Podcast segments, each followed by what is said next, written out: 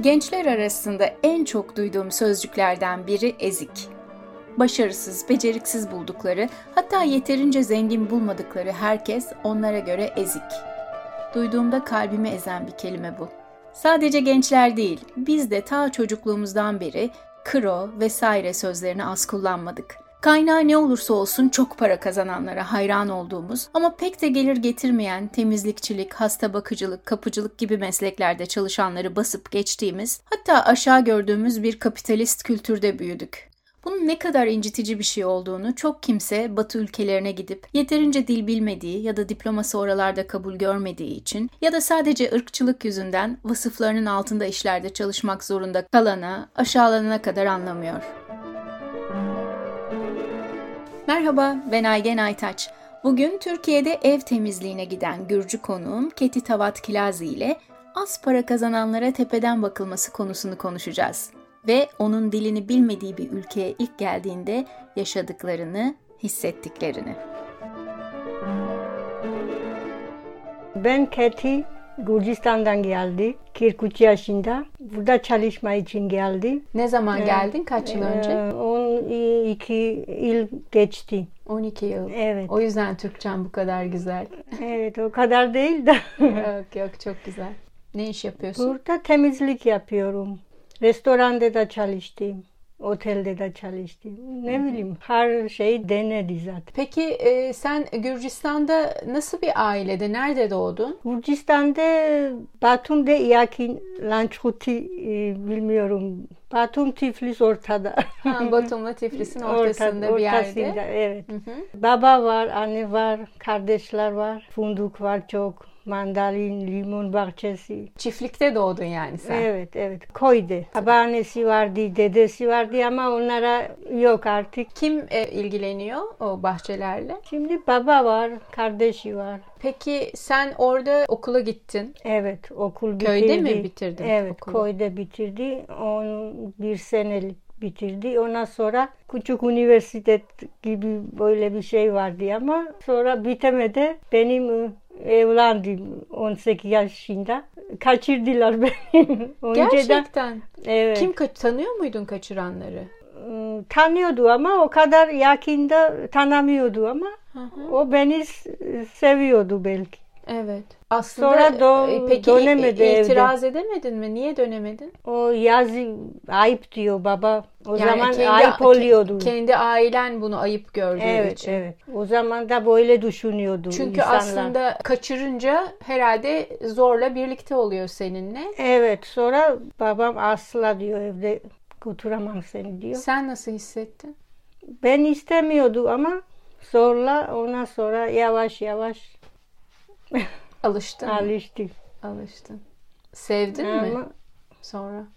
sonra çocuklar oldu zaten. Ama sonra benim koca hasta oldu kanser.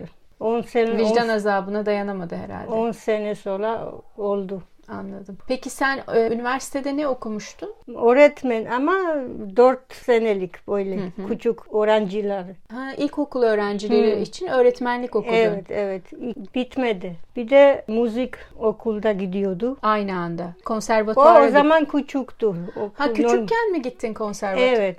Evet. Müzik okuluna gidiyordun. Evet. Kaç yaşında gittin? O zaman 9-10 yaşında. 5 senede orada oraya gidiyordum zaten. Evet.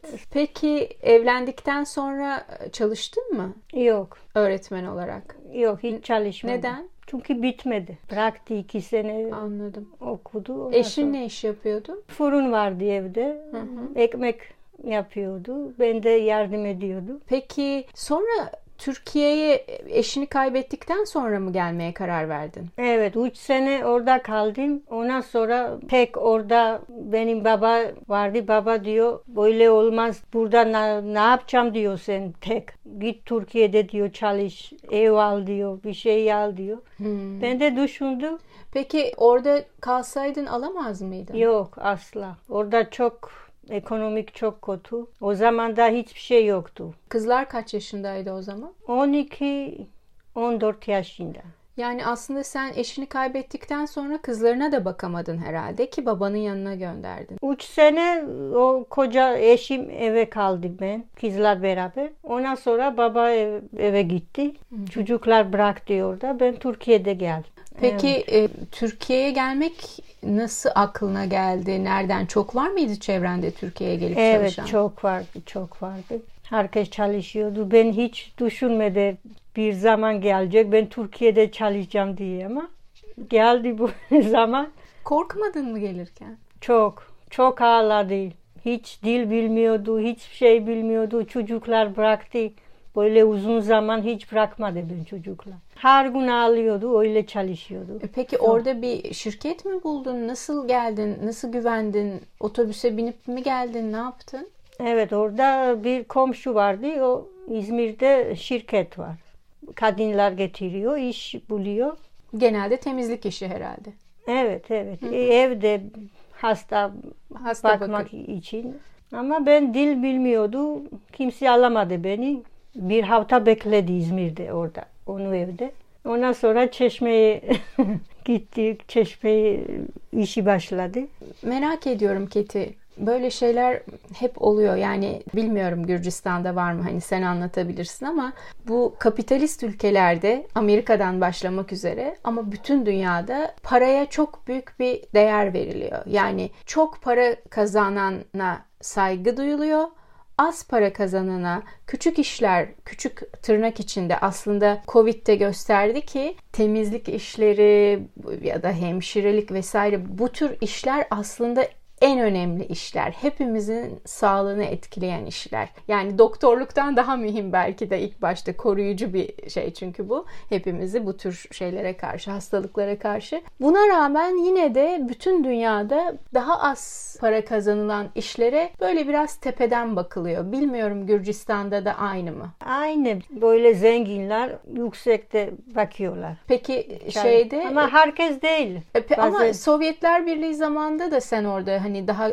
çocuktun ama daha farklı mıydı yoksa sonra değişti? Sonra değiştiler. Önceden yoktu böyle. Önceden nasıldı? Önceden ne bileyim herkes mutlu, herkes kendi işi vardı, kendi bahçede çalışıyordu. Kendi yemek, kendi elinden getiriyordu evet. yemek. Evet, herkes aynı masaya oturuyordu herhalde. Evet, evet. Ben de çünkü hatırlıyorum Kırgızistan'da böyle bir geziye katılmıştım. Birleşmiş Milletler yetkilileriyle beraber. Mesela İsikul Gölü'ne gittik. Orada Yol boyunca 2-3 araba insan. Herkes şoförlerle birlikte oturdu, çalışanlarla yedi, içti, güldü. Yani toplantıya işte yetkililer girdi ama onun dışındaki bütün zamanlar hep birlikte gülerek, eğlenerek geçirildi. Şarap içerek geçirildi. Evet. Dolayısıyla ben aslında şaşırmıştım. Türkiye'de çünkü çok da fazla görmedim. Yani tabii ki aynı sofrada yemek yiyen çok var. Yanında çalışan insanla. Ama mesela iş yerlerinde daha bir ayrım var gibi geliyor geliyor bana.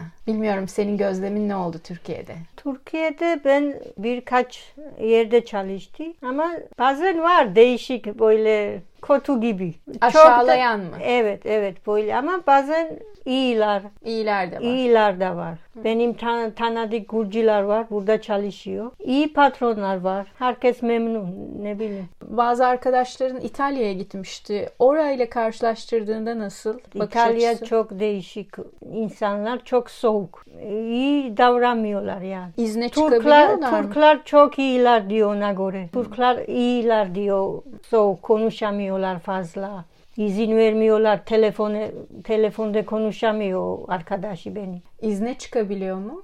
Bazen evet. Çünkü yine böyle haberler okuyoruz Almanya'da, İngiltere'de hiç izne çıkarılmadan. Hatta burada ha, da benim evet. tanıdığım bir Gürcü hanım bir yatalak hastaya bakıyordu. Irma. Hiç izin yaptığını görmedim. Ne yazık ki. Bazen evet çıkamıyorlar bazen izinde. Devam çalışıyorlar çok, çok kötü. Çok, Hapishane gibi yani çalışıyorlar. Tabii bir de bütün dünyada tabii daha da kadınlar için büyük problem birçok eski Sovyet Cumhuriyetlerinden böyle seks işçisi olarak kaçırılanlar, evet. zorla çalıştırılanlar da oldu. Yani onlar belki işte bakıcılık yapacağım diye geldiler Batı ülkelerine pasaportları ellerinden Alıyorlar. alındı. Evet. Şükür ki hani sen o tür kötü insanlara rastlamamışsın. Evet. Ama ilk defa böyle bir iş yaptın sen de mutlaka. Evet. Hiç böyle seni inciten durumlarda oldu mu? Mutlaka iyi insanlara da rastladın ama yine de böyle o iyi insanlar da insanın kalbini kırabilir. İlk defa geldi ya o zaman evet oldu böyle Ne bir şey. olmuştu? Çeşme'de çalışıyordu orada ilk defa başladı iş. O zaman o kadar bir şey bilmiyordu. Normal yani. İlk defa geldi Türkiye'de her şey değişik oldu. İnsanlar, Bambaşka. Evet. insanlar Evet, farklı, evet, sistemler, ev düzenleri. Evet bir gün yeri siliyordu. O nasıl siliyorum diyor sen. O bez aldı bana atladı. Üstüne mi attı bezi? O- evet. Ondan sonra ağlıyordu çok. Ağladım. ne bileyim zor geçirdi. Ama dil bilmeden için başka iş bulamadı. Mecbur kaldı orada. Zor çalıştı. Öyle haberler var ki mesela Kuveyt'te Filipinli bir kadını buzdolabına kapatmışlar. Kadın ölü olarak çıktı buzdolabından. Yani öyle feci olaylar var ki özellikle Orta Doğu ülkelerinde ve Asya'da. Yani bilmiyorum senin de arkadaşların var İtalya'da çalışan. Hani batıda da farklı problemler Evet, var. evet. Ama ne yazık ki güya Orta Doğu daha dindar, daha şey beklersin. Hani Allah korkusu beklersin. Ama ne yazık ki Ama geçti. Ama mutlu oldu şimdi. ev aldı. mutlusun. Zor geçti. Zor zaman geçirdi. Çok zor zaman. Ama ev aldı. En önemli o. Çocuklara okuttu. evet. Büyüdü. Evet. Onlar Bir tane üniversitede okuyor. Küçük 21 yaşında. Doktor olacak inşallah. Evet harika. Büyük kızı 23 yaşında dans öğretmeni. Evet videolarını görüyorum Evet. onun mü- müthiş bir dans, Dans öğretmeni. yapıyor. Bizim nas- nasyonal dans. Gürcülerin milli danslarını Evet. öğretiyor ve yapıyor ve çok güzel Çok gösterileri güzel, çok var. güzel, evet. evet. Şimdi mutluyum yani. Keti şimdi sen de kendi ülkesinde evi olan, çevrendekilere göre çok para kazandığın için gıpta edilen bir kadınsın. Tabii ki yeteneklerini, azimlerini çok paraya dönüştüren insanlar tam da kapitalizmin istediği gibi insanın değerinin parayla bir alakası olduğuna inandırıyor bizi. En azından kapitalist ülkelerde para kazananlara ve kazanamayanlara bakış açısı böyle gibi. Halbuki tüm ekonomik teoriler ücretlerin arz ve talebe göre belirlendiğini söylüyor. Yani bir işi yapacak ne kadar çok insan varsa o kadar az ücret veriliyor ya da tam tersi. Yani ücretin, paranın işin değeriyle hiçbir ilgisi yok. Tetikçinin hasta bakıcıdan daha çok para kazanması adam öldürme işinin yaşatmaya çalışmaktan daha değerli olduğunu göstermiyor. Buna rağmen tetikçilikle para kazananın villası, arabaları, çevresindeki mankenler magazin haberlerinde boy gösterirken sözde çok önem verdiğimiz hemşireler, temizlik işçileri, kuryeler sabahın köründe otobüs duraklarındaki karaltılar olmaktan ileriye gitmiyor. Evet dinlerden ya da sosyalizmden eşitliğe ve sosyal adalete dair öğrendiklerimiz var ama çevremizdeki adaletsizlikler bize her ikisinin de gerçekte işe yaramadığını düşündürüyor. Aksine kapitalist düzen zengin yoksul ayrımı giderek daha da belirginleşiyor. Ama belki de bu sorunun çözümü dinden ya da sistem değişikliğinden geçmiyor. Belki de tek yapmamız gereken aşağı gördüğümüz işler yapan insanları daha yakından tanımak. Tabii ki bu onların daha adil ücretler almasını, hayatlarının değişmesini sağlamayacak. Ama bir ihtimal bizi değiştirecek. Bir ihtimal bir daha kafalarına bez fırlatırken duracağız. Yok pahasına çalıştırırken ya da değerlerini parayla ölçmeye yeltenirken düşüneceğiz. Ezik damgasını vurmaya kalkarken susacağız. Ve karşı tarafı belki de ilk defa göreceğiz. Duyacağız. Karaltının ışığı birden gözümüzü kamaştıracak.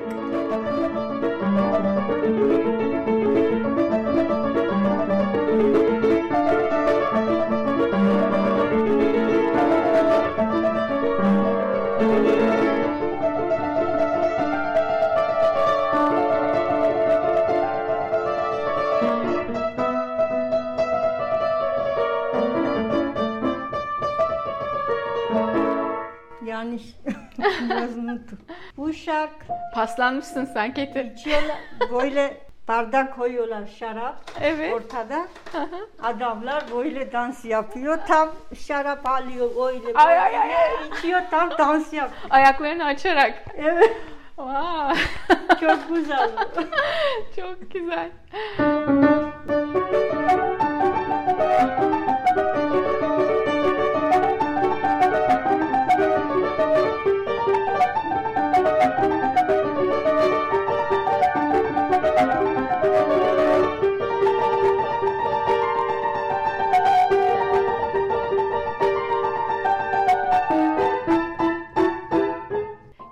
Güzel bir kültürünüz var ya. Özlüyor musun?